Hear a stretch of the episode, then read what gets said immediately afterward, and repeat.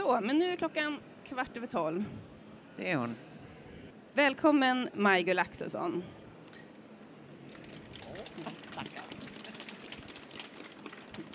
Jag heter Charlotta Kåks Röshammar och jobbar alltså här på Arbetet. Eh, jag tänkte bara börja med att kort fråga, hur känns det att vara här på mässan idag? Det känns rätt så skönt idag när folk har kommit tillbaka. Igår var det lite glesare i gångarna än det är idag. Och eh, det är jätteskönt att se att folk dyker upp i alla fall efter eh, det som hände igår. Jag har ju hört här på samtalen med er som kom tidigt att eh, Majgull kanske inte behöver någon jättestor presentation, men du är i alla fall journalisten som efter 20 år tog eh, steget ut i författarlivet och har ett Augustpris i bagaget. Ehm, och du har skrivit, för två år sedan så kom Jag heter inte Miriam, en eh, stark roman om en romsk kvinna som överlevde förintelsen och som eh, bosatte sig i Sverige under falsk identitet. Ja. Och sen nu så har vi den här, ehm, Mitt liv och ditt. Och också Nej, den, ditt liv och mitt. Ditt liv och mitt. Där Just har vi det. ja. Ditt liv och mitt. Mm. Ehm, också den handlar om vår mörka svenska historia, eh, långt innan ordet funktionsvariationer kom in i vårt språkbruk. Ja, just det. Ordet funktionsvariationer är ett ord som vi författare ryggar tillbaka inför. Det är liksom inte ett bra ord att använda i löpande text om man säger så. Varför inte? Det är för långt och för krångligt och man får bli tvungen att tänka efter. Jag ja, håller mig till en del av de äldre, mera neutrala orden. Mm, som, Utvecklingsstöd till exempel, det heter fortfarande Föreningen Utvecklingsstörda barn och vuxna. Och eh, om man kombinerar detta med normalstöd som vi andra är så tycker jag att det går rätt bra. mm. Varför skrev du den här boken? Jag har väldigt länge varit intresserad av eh, vad som hände med människor just med utvecklingsstörning. I princip ända sedan 1968 när jag jobbade som reporter i Norrköping. Och då fick vi dit ett ungt snille från Journalistinstitutet som heter Göran Rosenberg. Och han klev av tåget, i princip eh, började han omedelbart med att röja runt i stan och hittade bland annat en läkare på BB i Norrköping som, så sent alltså som 1968 så sa han att så fort det var någon som fick ett barn med det minsta handikapp, alltså fysiskt eller psykiskt, så sa han Glöm bort den här ungen, det är en idiot. Det är bäst att lämna in dem på institution och så går ni hem och gör ett nytt barn friskt. Och den attityden hade ju funnits väldigt länge i Sverige då. Eh, I princip ända sedan slutet på 20-talet, början på 30-talet. Och det var ju inte så att de här rashygieniska tankarna försvann i och med eh, efter andra världskriget. Utan de fanns kvar och låg som en eh, låg under ytan, dolt i, i hela det svenska samhället. Mm. Och i romanen så får vi träffa Merit som är 70 år gammal söker upp sin eh, familjs förflutna på en kyrkogård i Lund. Ja, just det. Vad- det börjar, så börjar ju den här romanen. Den börjar med att hon kliver av tåget i Lund. Fast hon egentligen inte ska till Lund, hon ska till Norrköping för att fira sin egen och sin tvillingbrors 70-årsdag. Och så plötsligt så upptäcker hon att hon står på per- perrongen i Lund och undrar varför i all världen hon gick av där. Fast innerst inne vet hon ju att det finns ytterligare en bror, en bror som har varit död i mer än 50 år. Och honom han ligger begravd i Lund och hon vill söka upp honom. Och då tar hon sig till Norra kyrkogården där det finns den enda svenska massgrav vi har. Den finns faktiskt på Norra kyrkogården i Lund. Eh, där ligger patienter från Vipeholm, 500 stycken. Och eh, Och Vipeholm, Vipeholm var alltså ett specialsjukhus för svårskötta sinnesslöa, som det hette. För eh, under den här stora institu- institutionsepoken så delade man in människor med utvecklingsstörning i bildbara sinnesslöa och obildbara sinnesslöa. Och de bildbara kunde man ju då eh, tolerera eftersom de kunde användas till enklare ärenden och så. Men de obildbara, som man kallade dem, De hade ingen funktion alls i samhället och följaktligen så vanvårdades de till döds. Och de vanvårdades till döds under minst tre årtionden, kanske fyra. Och ett av de ställen där man vanvårdade folk, det var just Vipeholm i Lund. Mm. Och, när växte då Märit upp? Vilket år är vi, eh, vilka år handlar det om här? Ja, Märit växer upp alltså slutet på 50-talet, början på 60-talet. Hon tar studenten kring 1962 någonting. Och kommer sen omedelbart till Lund för hon är en jätteduktig flicka så hon har väldigt bra betyg och kommer in på medicinarutbildningen direkt. Vilket eh, ja, också har sina konsekvenser när man har en bror på Vipeholm. Just det, hennes bror kallades för Tok-Lars av en del. Ja, han kallades för Tok-Lars, Haltelytte-Lasse och Vidundret. Alla de där elaka sakerna som man kunde, etiketterna som man kunde sätta på människor med utvecklingsstörning på den tiden. Och att han kallas just Tok-Lars, det beror på att när jag växte upp i Nässjö så fanns det en enda kille med utvecklingsstörning i stan som syntes. Alla de andra var osynliga på något sätt, förmodligen förvarade på institutionen någonstans. Men den här killen, han hette Rolf och kallades följaktligen för Tok-Rolf. Och väldigt mycket av min beskrivning av Lars är minnen av den här pojken som jag själv var oerhört rädd för när jag var liten. För det gick så mycket berättelser om hur farlig han var. Han var inte ett dugg farlig. Han, hans älsklingssysselsättning var att följa efter kommunalarbetarna. Och det låter jag min figur också göra. Han följde efter kommunalarbetarna dag efter dag och så stod han och tittade när de grävde hål i gatorna och sådär. Och så, han kunde inte prata, så han, men han lät ju och gruffade och, och lät hela dagarna. Och de här kommunalarbetarna var alltid oändligt snälla mot honom och stöttade och ställde upp verkligen för den här killen.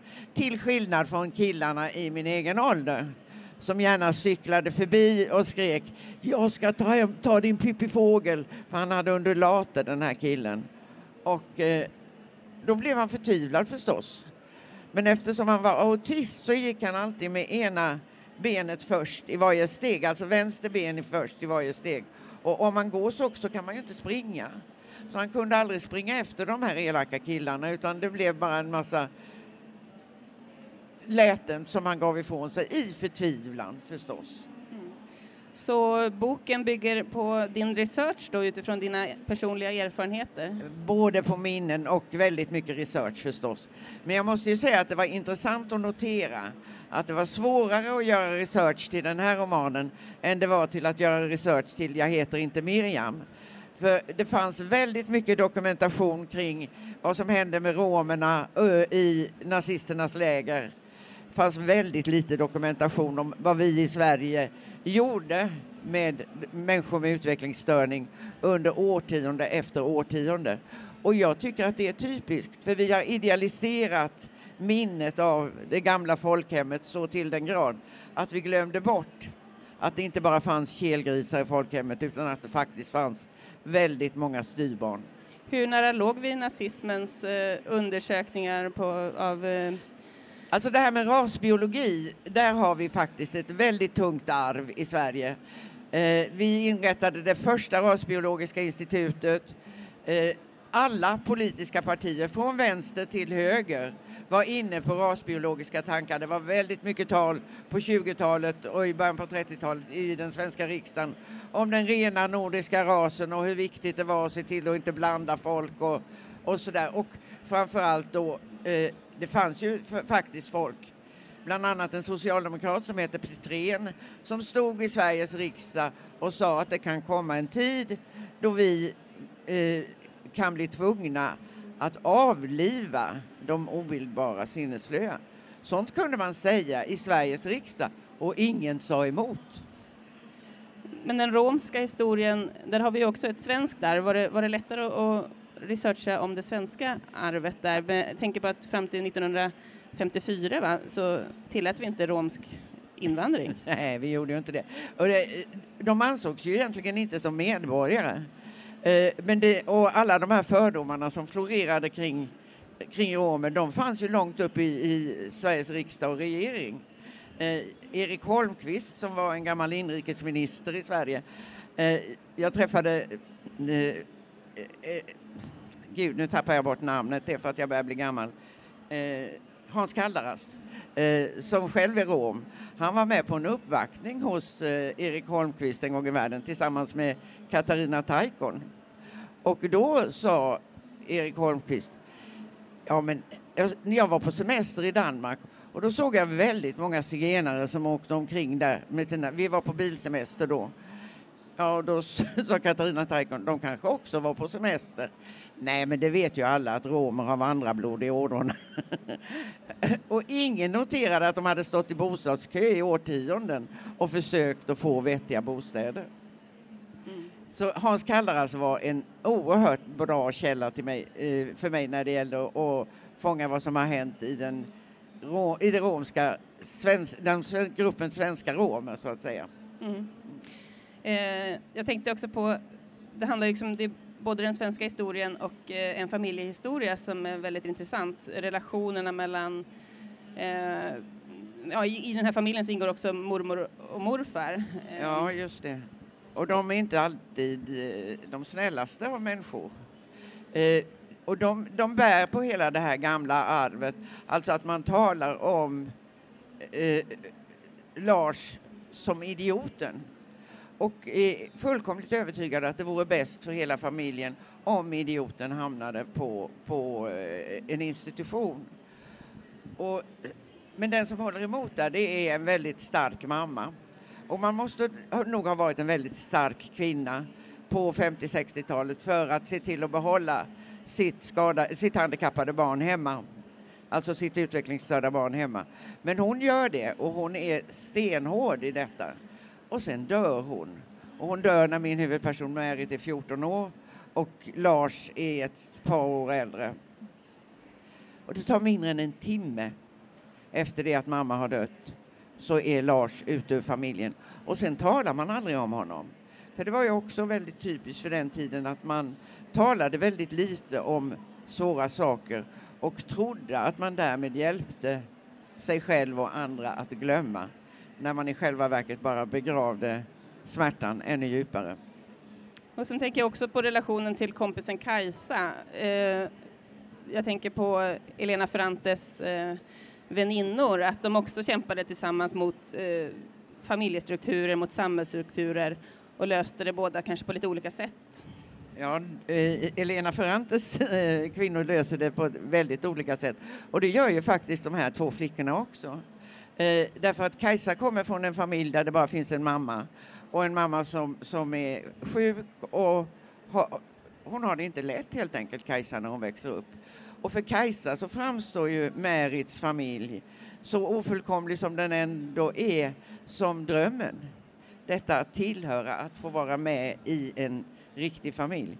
Så följaktligen gifter hon sig med Jonas och blir väldigt duktig på att sopa saker och ting under mattan genom åren och vägrar absolut att tala med Märit om det brott som de båda två en gång faktiskt har begått men som de aldrig har straffats för.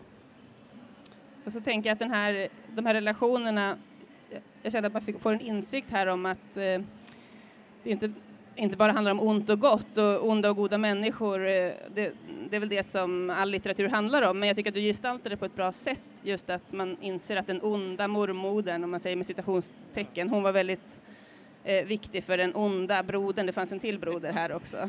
Man skulle ha kunnat, jag hade kunnat skriva en helt annan bok utifrån Jonas, broderns perspektiv alltså, och mormors perspektiv. Den äldre och, brodern som inte var så snäll mot Merit? Nej, just det. Den, ja, de var tvillingar, så de ja, var det. precis lika gamla. Så naturligtvis hade jag kunnat göra det. Och Merit är ju inte någon helt igenom snäll person. Det märks inte minst då i nutid, för nu har Jonas drabbats av en stroke och han är svårt skadad av den. Han sitter i rullstol och har svårt att tala. Och hon ger sig ut på promenad med honom och är grym, direkt grym mot honom. Mm. Um, ja, jag tänkte bara fråga, vi är ju ändå i arbetets monter här och du har en bakgrund som fackförbundsjournalist. Uh, ja. Ehm, chefredaktör för Statstjänstemannen och Beklädnadsfolket eh, heter den, Beklädnadsarbetare förbundet hette förbundet ja. som då som senare gick upp i Industrifacket och sen IF Metall som det heter nu. Um, hur var den tidningen? Du menar Beklädnadsfolket? Ja, ja. Pinsamt säger jag väl så här 30 år efteråt. Nej men vi, var, vi hade ju väldigt lite ekonomiska resurser. Vi kunde göra 32 sidor max. Eh, vi var två stycken som jobbade med den. Eh, vi hade rätt roligt medan vi gjorde det, men eh, resurserna var för små för att vi skulle kunna göra något riktigt vettigt av det. Och dessutom så var jag aldrig någon särskilt lysande journalist. Jag är mycket bättre som författare än jag någonsin var som journalist, måste jag säga. För vilka handlade de om? De jobbade alltså i textilbranschen? De jobbade i textil, alltså sömnads, konfektionsindustrin, textilindustrin, de som väver och stickar och sko och läder eh, så länge vi överhuvudtaget hade någon skoproduktion i Sverige. Men jag skrev deras historia efteråt och det tyckte jag det var ett väldigt, väldigt roligt projekt. Inte minst när det gick upp för mig att sko och läderindustriarbetarnas fackförbund sa på 50-talet att det är ju alldeles självklart att en skoindustri kommer vi att behöva i Sverige i alla tider. Eftersom vi har det här besvärliga klimatet, då förstår man ju att då kan man ju inte importera skor från Italien. Och det gick på ett helt annat sätt om man säger så. Nu är det inte så många kvar i IF Metall då, men Nej, det finns några. Det finns några stycken, ja. ja. Din roll som journalist eh, respektive författare, vad känner du att du kan göra mer som författare som du inte kunde som journalist?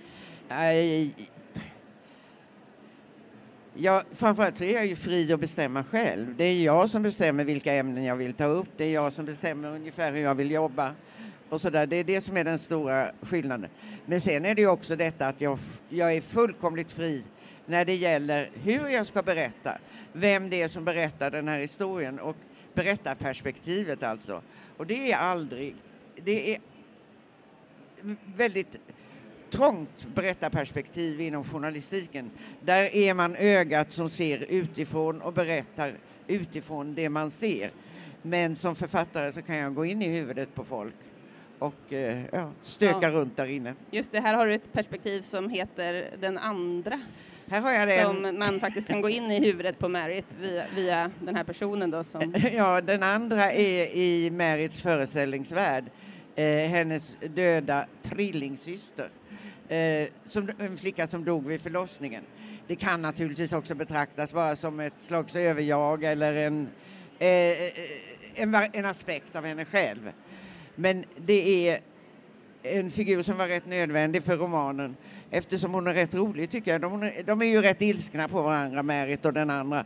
Men eh, i och med att de är ilskna så kan det bli en ganska rapp dialog mellan dem och eh, det uppskattar jag när jag får skriva. Mm. eh, det här med försoningen tänkte jag på. Eh, vi ska inte avslöja vad som händer i boken, men behöver man försonas med sin familj och sin familjehistoria?